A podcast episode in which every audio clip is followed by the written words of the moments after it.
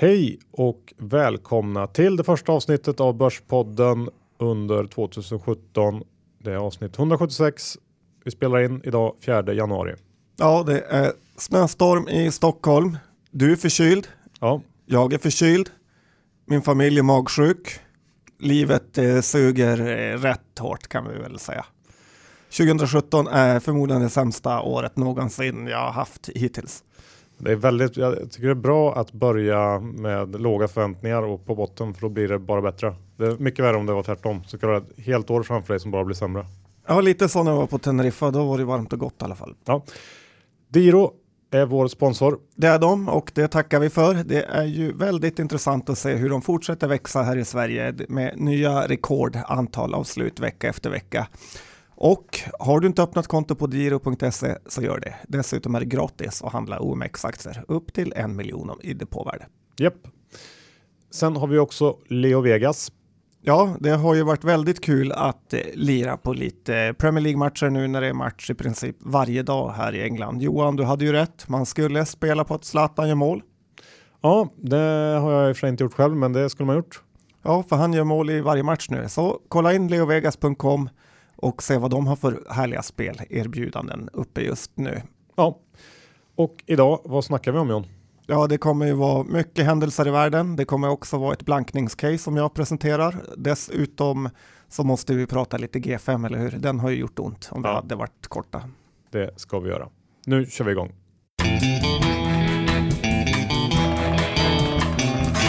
Johan Dr. Bass Isaksson. Index är 1535 här på Stockholmsbörsen och det har väl inte rört sig jättemycket på flera veckor egentligen. Och Dow Jones har fortfarande inte brutit igenom 20K. Nej, det har väl inte rört sig så mycket egentligen om man kollar på index, men det känns ju som att det rusar upp på börsen då av någon konstig anledning. Jag vet inte riktigt varför. Men eh, det kommer ju också in ganska mycket bra statistik nu och eh, börsen känns ändå som att den gnetar sig upp lite grann så här varje dag. Eh, nu får man väl fråga sig lite grann vad krävs för att det ska fortsätta upp egentligen här under 2017 och då måste ju börsen eller ekonomin i stort bryta den här trenden vi haft i massor av år, nu när eh, man börjat med höga prognoser som sedan successivt justerats ner under året och eh, blir det så i år? Jag tror spontant inte det, men eh, vem vet? Vi får se helt enkelt. Inte så mycket att prata om egentligen.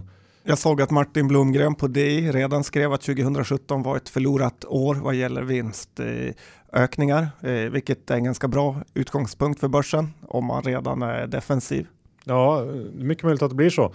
Vi får se och, och det krävs ju också att börsen håller kvar vid den här rosenskimrande synen man har på Trump. Det kan vara så att vi får några svar ganska snart för att jag såg i natt twittrade han ut att eh, den 11 januari kommer han ha en news conference i New York och eh, då kanske man ska bänka sig framför Twitter och se vad han eh, hittar på. Ja, du följer han live alltså mitt i natten. Ja, men jag såg det i morse. Men men så var det. Eh, Trump förresten, John. Ja, han fortsätter ju anställa antifrihandelsmänniskor i toppen av sin regering och vi har också sett att en hel del företag slutat investera i Mexiko. Ford var ju senast ute och sa att de inte skulle stoppa in sina 13 miljarder kronor eh, i en fabrik. Eh, De skyllde såklart eh, på att Ja, i Mexiko var det va? Ja, Mm. att det inte var Trump utan att det var ett minskat sug efter småbilar och det är väl förmodligen en lögn.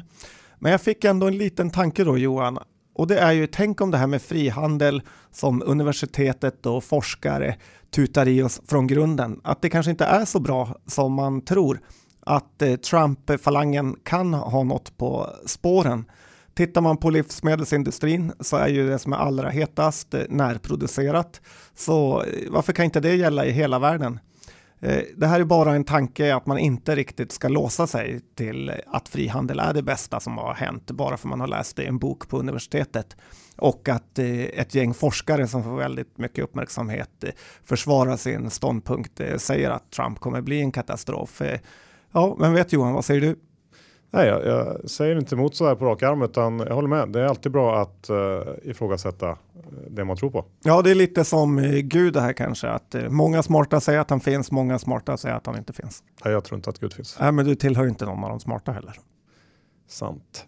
Eh, vi går över till något annat. 2017 ska ju enligt många bli året då AI blir mainstream och slår igenom på riktigt. Det här är ju intressant och det kanske stämmer. Jag vet inte, för jag läste här eh, idag eller igår bara om ett eh, japanskt försäkringsbolag. Fukoku Mutual Life heter de, som för några dagar sedan eh, gick ut med att man kommer göra sig av med 30% av sina anställda och ersätta dem med ett AI-system nu under inledningen av 2017. Och det här systemet kommer ta hand om eh, försäkringsärenden, eh, kolla läkarintyg och sjukdomshistorik och så vidare för att kunna bedöma om man ska betala ut pengar. Eh, och det här ska kosta bolaget 200 miljoner igen i installationskostnad och sen 15 miljoner igen årligen i underhåll och man kommer att spara 140 miljoner igen per år. No brainer helt enkelt för eh, Fukoko Mutual Life att eh, köra igång det här. Men 150 miljoner igen, det är typ eh, 300 spänn. Ja, inte, inte, inte riktigt John. Det är väl eh, ungefär 10 procent va? Av, eh, för att få SEK. Men eh, oavsett, det här kan du ju applicera på något större bolag då så blir det mer pengar. Det är väl lite det som är själva grejen. Det var en ganska kort återbetalningstid och det är ju en intressant rörelse helt enkelt. Eh, det här ska man nog hålla koll på ändå och eh, tipsa gärna kring bolag i den här sektorn för eh, det hade varit intressant att se vad det finns där ute på världens börser om det är någonting man kan leta upp och investera i. Ja, det låter intressant. Själv är jag helt, eh, tror jag inte på det här med robotiseringen och eh, det, men det kan vi ta ett annat avsnitt. Ja, jag tror det. Det blir lite jobbigt att ta det här också. Peter Lynch är ju på tapeten så här i jultider. Man ska vara lite Peter Lynchig. Ja, men det är faktiskt kul och, när man tvingas gå runt i affärer som man kanske inte tycker är så kul i vanliga fall. Att eh, då till exempel varje gång jag går omkring på Bromma Block så brukar jag titta efter hur det går för Clas Olsson, Kappahl, MQ R&B som har sin Brothers och Pop-butik där. Odd Molly, är den butiken tom eller full? Är det mycket reor eller ligger mycket på hyllorna? Eh, sen kan man även titta i de vanliga butikerna som inte är börsnoterade eh, vad som verkar gå åt på hyllorna där. Till exempel var Dalespiras getmjölk på Coop eh, helt tom den hyllan. Jag vet inte om det är ingenting eh, som säljs att de tar in det inför jul eller om det har sålt eh, slut, men ändå intressant. Säljer Elon mycket Elux-dammsugare eller hur långt fram står Friggs eh, teer och riskakor? Och eh, som sagt, är det trist att gå i en butik så kan man göra, ta till den här aktieleken. Ja, har du gjort det då i jul? Ja, det var just det jag berättade. Ja, men vad kom du fram till då? Att eh, om du vill ha den långa historien så kommer ju Clas Olsson att eh, vara en hit och jag tänkte på det med den här Kina grejen att eh, mycket handlar, handlar ju om distribution, att det gäller att ha eh, grejerna i, på rätt tid på rätt eh, plats. Därför är ju Clas Ohlson en hit som man åker till direkt man får stopp i avloppet eller eh, behöver något annat. Eh. Klädbutikerna, Kappahl, MQ, R&B, Pop eh, verkar ju faktiskt också gå på rätt bra. Så att eh, ja, det verkar vara ett bra drag i svenska ekonomin. Okej, okay. ja, tack för den rapporten John. Eh, vindkraftverk vill också säga någonting om. Ja, men det var ju så att det kom en rapport om att eh, elen från vindkraftverken minskade för första gången för någonsin här mellan 2015 och 2016 och eh, det trodde i alla fall jag inte på. Jag trodde på en ständig utbyggnad. Eh, dessutom var det intressant att vattenkraften minskade ännu mer och eh, man måste tänka på att ju mindre det snöar och eh, ju varmare det blir så kommer det mindre vatten från eh, smältande fjäll. Och eh, detta är faktiskt ett ganska stort hot mot vattenkraftverken på sikt och det är rätt svårt att hälla konstgjort vatten i dammarna. så att du kanske har något där med kärnkraftverket på G faktiskt. ETF John? Ja, det är ju också stått överallt det här med att det är rekord i inflöden i ETFer runt om i världen och eh, låga avgifter och passiv eh, förvaltning är ju det nya heta och eh, jag tror att det kommer vara extremt lönsamt att vara aktiv förvaltad närmsta tiden. Ju mer pengar som ingen riktigt bryr sig om, desto lättare och lönsammare kommer det vara att vara trader eller aktiv eh, småsparare. Det blir väldigt många konstiga prissättningar ibland när till exempel Blackrock eh, ska sälja ut av sig ur någon eh, avknoppning och en passiv förvaltare i London hittar längst ner i portföljen eh, något innehav som är kanske är värt 10-20 miljoner i till exempel NetEnt eh, som den fått av Betsson för länge sedan. Eh, och när han har en fond på 100 miljarder så spelar det absolut ingen roll. Men för daytrading-communityt kan det här vara mumma och det är många som kan leva på deras brödsmula Johan. Ja, absolut. Jag håller med. Det där är väl baksidan av ETF-hypen runt om i världen. Jag tänkte prata lite om Twitter eh, som jag generellt blir mer och mer pessimistisk till egentligen. Eh, jag tycker framförallt att det är massor av brus och jag tror överlag att hänga på Twitter hela dagarna skälper mer än vad det hjälper faktiskt. Eh, men när Twitter är som bäst så är det faktiskt eh, riktigt bra och med det menar jag att när man möter eh, okända människor och utbyter idéer. Och ett bra exempel på det tycker jag är dagens artikel i Dagens Industri om den här scam Facebookgruppen QST som eh, pumpar småbolag till sina följare och säljer och eh, lurar småsparare. Jag tror de också tar in pengar via avgifter för att man ska få de bästa tipsen inom situationstecken. Eh, och det här har jag sett att Twitter-profilen FK Stockholm, eh, STHLM alltså, eh, skriver en hel del om, eller har skrivit en del om tidigare. Och jag gissar att det är så som, genom det som DI har fått nys om det. Och där har ni förresten en, en, en följrek. FK STHLM eh, tycker jag ni ska följa om ni vill eh, ha lite koll på diverse scams där ute på den svenska börsen. För han twittrar mycket om det. Det är inte ditt anonyma konto Johan. Nej, tyvärr. Hur är det med eh, vd-löner i Sverige? Ja, det kom ju ut eh, vem som tjänar mest 2015 i Sverige och tar man bort någon arvinge från Maersk eh, som jag inte tycker räknas så hör och häpna, den som tjänar allra allra mest var Nobinas eh, vd och om han kan tjäna mest pengar i hela Sverige så finns det otroliga möjligheter att bli rik. Glöm inte det.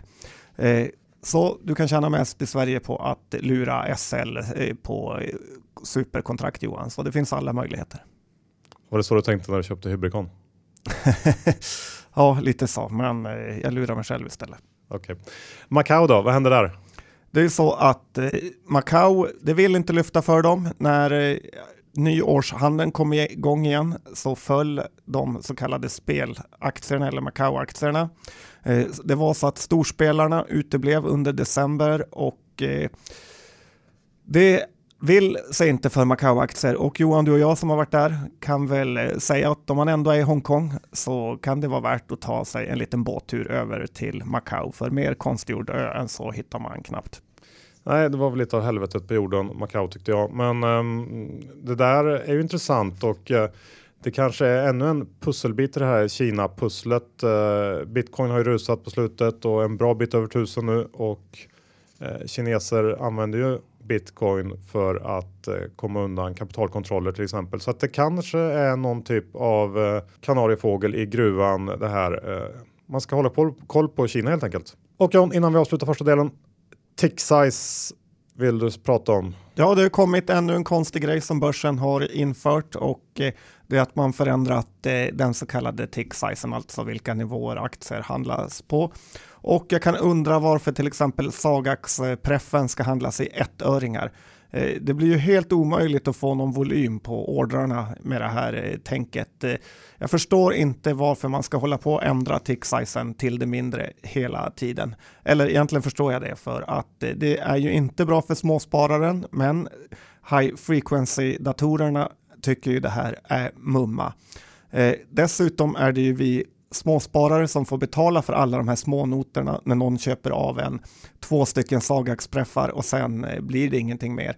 Och eh, då får man en nota på 29, 49 eller 99 kronor vad man har fått och sen har man sålt aktier för hälften så mycket pengar. Ja, inget bra det där. Nej, faktiskt inte. Okej, då river vi av några bolag. Jag går direkt ut på Vestas det danska vindkraftverkbolaget. Helt rätt John. Vi har ju pratat en hel del om Vestas. Eh, efter Trump-vinsten så mm, åkte Vestas på ganska ordentligt eftersom Trump inte, eller man trodde i alla fall att Trump inte skulle eh, promota förnyelsebar energi så mycket i eh, USA. Dessutom hade man ju en ganska dålig rapport med sig i ryggen bara några dagar innan där. Men den har, eh, och vi tyckte, eller jag tyckte att det kanske kunde vara ett intressant läge att fynda Vestas nere kring dryga 400 lappen och den har faktiskt kommit upp till dryga 470 nu efter en eh, fantastisk orderingång i december. Och den här orderingången gör att eh, omsättningen faktiskt inte ser ut att sjunka längre under 2017 och dessutom så är utsikterna för bolaget i USA eh, de ser väldigt starka ut också, vilket har varit ett orosmoln för marknaden. Eh, aktien handlas fortfarande kring ev ebit 7 ungefär för 2017 års prognos och det är ju billigt. Det behöver inte vara så mycket svårare än så, eller? Nej, verkligen inte. Däremot så blir man ju nästan rädd för danska aktier, hur mycket det kan svänga där. Ja, där svänger det på bra. Då kanske vi ska gå in på sprit Johan, när vi ändå pratar Danmark. Ja, absolut. Det är ju så att eh, det här eh, norsk-svenska Ratosbolaget Arcus eh, som är noterade i Norge kom till börsen i början och, av eh, december. Eh, och jag tänkte att det här kanske kan vara en bra kandidat för den långsiktiga portföljen så jag har tagit en titt på det. Börsvärdet på Arcus är ungefär 3 miljarder norska kronor och utan att räkna på det här allt för noga, då det är i princip omöjligt på riskkapitalbolag, då det bara består av ebita och engångsposter och så vidare. Men jag skulle säga att det här ligger kring P20. Eh, om man läser lite noggrannare så ser man ju också att bolaget egentligen inte ökat sin försäljning riktigt eh, på nästan tre år. Och det här hör ju såklart ihop med att spritmarknaden i, växer ingenting. Det är någon procent eh, per år. Eh, Arcus vill växa på det de kallar för premiumisering och eh, det innebär ju då att man ska sluta dricka den billigaste spriten och börja köpa lite mer finsprit och det funkar nog till en viss del. Dock så känner jag väl jag att deras spritsorter som de har typ gammeldansk och akvavit känns lite dåtid. Och om man gillar det här med alkoholbolag, om man kan kalla det så, så tycker jag att man mycket hellre faktiskt kan köpa Kopparbergs, även om jag stör mig på det bolaget också till en del. Eh, det känns som att de har mycket bättre tillväxtmöjligheter och eh, till samma pris så köper jag hellre ett bolag med modernare produkter Johan. Ja, det ligger nog en del i det. När drack du gammeldansk senast? Uh, kommer faktiskt inte ihåg. Du då? Ja, jag skulle kanske behöva en nu. Ja, det kan vara gott. Ska vi ta G5 då? Ja, det gör ju lite ont att eh, prata om ett bolag som vi har dissat på 30 kronors nivån och nu står i 140. Ja, det här är ju det senaste halvårets monsteraktie och G5 kom som alla vet med kanonsiffror för Q4 igår. Tillväxt på 82% och det är ju bara att buga och bocka. Eh, jag tänkte att vi spelar upp vad vi sa om G5 förra gången, eller vad jag sa. Eh, så ja, inte har... vad jag sa, jag vill inte ha med det. Nej, men eh, du, du sa nog inte så mycket, så vi har någonting att utgå ifrån. Klämma in en uh, liten notis om G5. Ja, det tycker jag. Dataspelsbolaget i Ukraina som uh, levererar som aldrig förr. Ja, precis. Jag har ju varit länge tveksam till bolaget, framförallt när det gäller deras förmåga att leverera kassaflöden.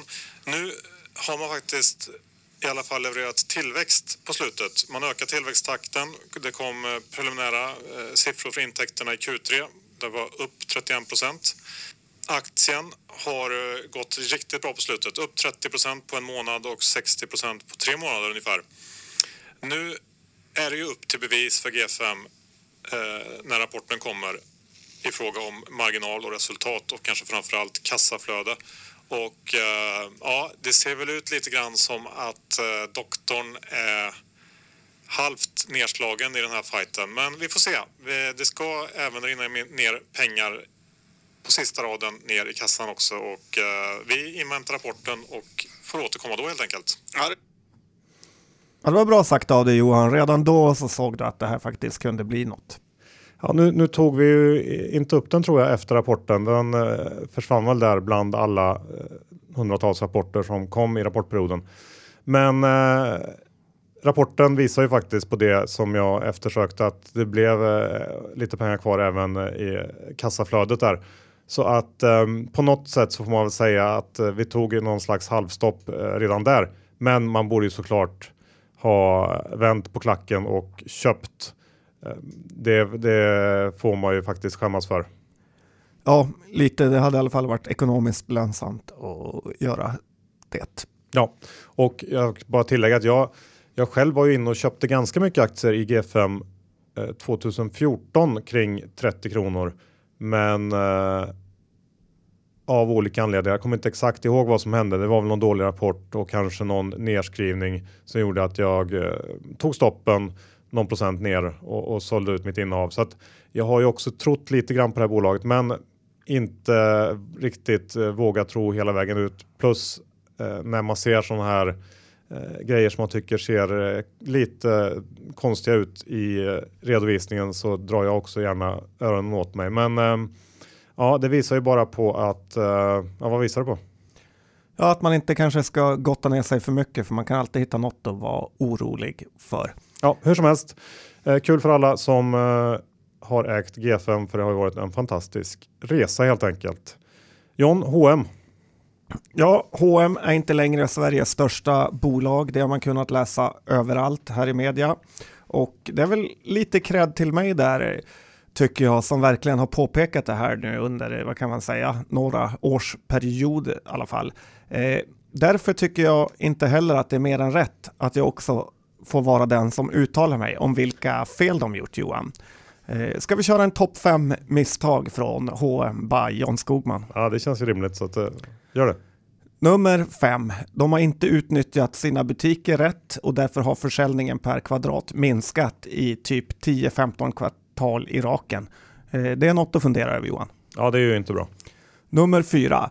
Det har varit stort felfokus från H&M att de ska växa med antal butiker. Det har varit någon typ av ledstjärna för H&M och det finns egentligen ingen nytta av att finnas med i varje gathörn. Det här har varit en väldigt dålig strategi av H&M. Mm, Okej, okay. mer? Nummer tre. De har varit urusla på nätet. De har varit sega. Sajten är inte bra. Många länder har de inte ens kommit igång med. Och eh, sen går det inte att handla på nätet och lämna tillbaka i valfri butik. Skäms så. Ja, det är dåligt. Nummer två. De har satsat på jättemånga dåliga sidoverksamheter. KOS, H&M Home, Other Stories och eh, de här verksamheterna är både små och bidrar knappt med någonting till resultatet, men det tar väldigt mycket tid och fokus från management. Eh, man kan säga att det finns kanske tio gånger bättre saker att foka på än att starta H&M Home och sälja kuddar. Okej, okay, nummer ett då? Number one, the big and only. Det är ju så att det största misstaget faktiskt kan stavas med tre bokstäver. Jag vet vad du kommer att säga. KJP. Om vi säger så här Johan, är Björn Borgs son bäst på tennis? Nej. Är Bill Gates barn bäst lämpade att styra Microsoft? Jag, vet, jag tror inte det. Nej, inte jag heller, men jag tror inte det. Det är ingen diss till KIP som person och människa som man brukar säga. Men på den här extremt höga nivån som man befinner sig inom corporate government eh, så tror jag inte att vdns son eh, är den bästa personen som är lämpad att styra det här bolaget. Att vd-posten går i arv kan inte vara det som är allra bäst. Det är dags för KJP att kliva åt sidan och man tar in någon utifrån som kan skaka om det här gamla skeppet lite grann. Problemet är ju att ingen analytiker ens vågar andas det här, för då får man kicken för att eh, familjen Persson är en gigantisk kung, kund hos alla storbanker. Det ryktas ju om att när Jon Jonsson jobbade på Goldman Sachs och skrev deras eh, skandinaviska morgonbrev så skrev han en dag något negativt om familjen Persson och eh, Nästa dag ringde HR-avdelningen och gav han foten på dagen. Eh, alla i finansbranschen vet om det här och eh, ingen har egentligen någon lust att testa om det är sant eller inte. Bara du som inte vet. Nej, men jag kan inte få kicken heller Johan. Så är det. Ja, men intressant. Det ligger ju såklart eh, en hel del i det du säger. Ehm, ja. Tack, inte ofta du säger det. Nej. Jag tänkte vi går över till eh, pimpelfiske är ju en vintersport och då kanske man kan få tankarna till bottenfiske och getinge. Ja, men bottenfiske är aldrig fel om man eh, är en doktor. Nej. Geting är ju en aktie som har gått riktigt kast, tappat 35 förra året och man har brottats med diverse problem. Det är FDA, det är dålig tillväxt och det är struktur och kostnadsbesparingsprogram som dragit ut på tiden och inte riktigt gett resultat. Och jag tycker ofta att När ett bolag stöter på problem och tvingas till åtgärdsprogram och liknande så tar det ofta att det tar mycket längre tid än vad marknaden först trott, vilket gör att folk tröttnar på aktien och i många fall kanske blir lite för pessimistiska. Och i Getinges fall så tror jag att problemet främst är internt. Tittar man på konkurrenter så ligger de på en betydligt högre lönsamhet än vad Getinge har och det finns egentligen ingenting som säger att inte Getinge borde klara av det här också. Baserat på eh, de konsensusprognoser som finns ute i marknaden så handlas Getinge till P 12 13 för 2017, vilket ju inte är särskilt högt. Eh, och det finns såklart mer uppsida där om man skulle på allvar lyckas banta kostnaderna. Problemet är väl eh, att eh, man har en alldeles för hög skuldsättning och det här har vi pratat om flera gånger tidigare. Och det är väl inte alls orimligt att eh, de tvingas till en nyemission inför utdelningen av den här postakutdelen som man ju ska knoppa av till ägarna. Och det här eh, dämpar väl stämningen en hel del i aktien. Det finns ju en liten positiv möjlighet att man lyckas eh, istället sälja iväg den här delen eh, innan och på så sätt lösa balansräkningsproblematiken.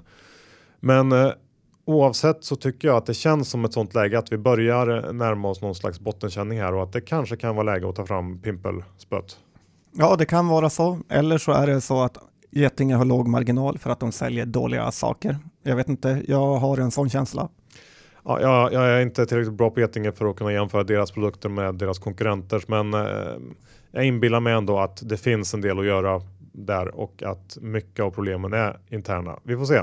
Ja, det brukar vara bra att blunda och köpa när bolag som ändå har någon typ av kvalitet har kommit ner. Ja, men som sagt, det är väl antagligen ingen eh, snabb resa uppåt, men uh, att köpa lite här och där nu under det närmaste året kanske kan vara en, en bra strategi för uh, värderingen är ändå helt okej okay och uh, lämnar utrymme för lite uppsida tycker jag. Spännande. Köp ja. Getinge. Och um, Dogs of Dow. Ja, det är ju så att mannen som har kommit på Dogs of Dow har kommit med det här årets case 2017. Eh, Dogs of Dow innebär ju inte som de kanske flesta tror att man köper de bolag som har presterat sämst under föregående år utan eh, teorin är att man köper de bolag som har högst direktavkastning eh, i början av varje år. Och det här året så är Dogs, de fem Dogs of Dow Coca-Cola, Verizon, telekombolaget, Merck, läkemedelsbolaget, Pfizer, läkemedelsbolaget och Cisco, eh, telefonväxelbolaget eh, eller något sånt. Ericsson-konkurrenten. Ja. Exakt, och jag tycker att det här låter lite som en copy-paste på vad Dogs of, OM, Dogs of OMX eh, skulle kunna vara. Eh, då har man Ericsson istället för Cisco. Vi har Tele2 och Telia istället för Verizon. Och sen lite Astra som i princip eh, stått eh, still under ett års eh, sikt här. Som, och alla de här bolagen ger ju ganska bra direktavkastning dessutom. Eh, och Förra årets eh, teori av Dogs of Dow var ju att köpa de här råvarubolagen som hade gått väldigt dåligt. Caterpillar och Chevron bland annat och de har ju presterat väldigt bra i år. Och det hade väl översatt till Sverige varit att köpa kanske Lupe, Sandvik och eh, Volvo. Och de har ju presterat väldigt, väldigt bra här hemma. Så att eh, den här eh, investeringsstrategin med att köpa de bolag som är out of flavor som det heter i staterna, verkar ju fungera faktiskt. Och eh, eh, tänker man tillbaka på Getinge så kanske det skulle kunna vara något. Eh, men den här killen då, han varnar ju också för att den här Dogs of Dow-strategin har nu utpresterat index de senaste sju åren. Och det här tecknet med att man ska köpa telekom och läkemedel med Cisco då och Pfizer och Merck eh, indikerar på en mycket eh, svag eh, börs framöver då det är väldigt defensiva sektorer. Ja, det låter bra tycker jag. Uh, Attendo tänkte jag säga några ord om John. Petri Karjalainen. Precis. Varje dag ser man pressmeddelande hur han tömmer plånboken och tokköper. Ja, uh, Attendo är nog mitt favoritbolag i vårdsektorn och uh, när den här uh, Reepalu-soppan löser sig, för det tror jag den kommer att göra, då ska man nog äga Attendo. Och som du sa, det verkar även insiders tycka, i alla fall en av dem, Pertti Karjalainen. Jag är inte lika bra på finska som du. Eh, han är områdeschef för Finland Omsorg och han har ju köpt under november och december aktier för över 100 miljoner kronor i Attendo. Det är ju ändå strångt. Ja, det är bättre att han har investerat lite av lönen där. Och eh, nu ska man komma ihåg att Pertti, han är storägare sedan tidigare och har drygt 14% av bolaget. Men ändå, det är stora köp. Då det ingjuter förtroende tycker jag. Ja, han kanske har kontakter med Repalu. Kanske. Uh,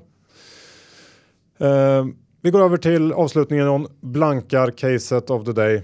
Ja, som jag sa i nyårsavsnittet, läs på om blankning för det här kan vara blankarnas år. Och jag har gett mig in i den här svängen och eh, kortat lite Diös, eh, det norrländska fastighetsbolaget. Och det här är inget eh, Citron-upplägg där jag ska liksom hitta på negativa saker via någon option för att få ner kurserna. Utan jag tänker lite så här, Diös har gjort ett gigantiskt förvärv eh, Eh, där de köpt eh, delarna som Castellum fick av Norrporten som, de, eh, som ligger i Norrland och som Castellum inte vill ha. De verkar ha fått köpa det ganska dyrt också. Och det här innebär att Gös måste göra en väldigt stor nyemission för att klara av det här och det är den de håller på med nu. Då kommer det också komma ut väldigt många nya aktier vilket kan sätta press på kursen när folk som inte vill öka upp eh, innehavet i Diös eh, säljer lite aktier. Eh, dessutom så är ju räntorna på väg upp eh, och det kan göra att man får lite extra hjälp eh, med eh, att sänka fastighetsbolaget. Och sen, vet du vad kicken är Johan? Nej. Det är att Maud Olofsson sitter i Diös styrelse. Och när Maud gör förvärv, tänk Nuon, så kan det sluta precis hur dåligt som helst. Ja, det var en kul kicker. Uh, bra, men då har vi alltså fått blanka caset of the day av John Skogman. Ja, helt gratis dessutom. Till skillnad från din Facebookgrupp. ja, bra.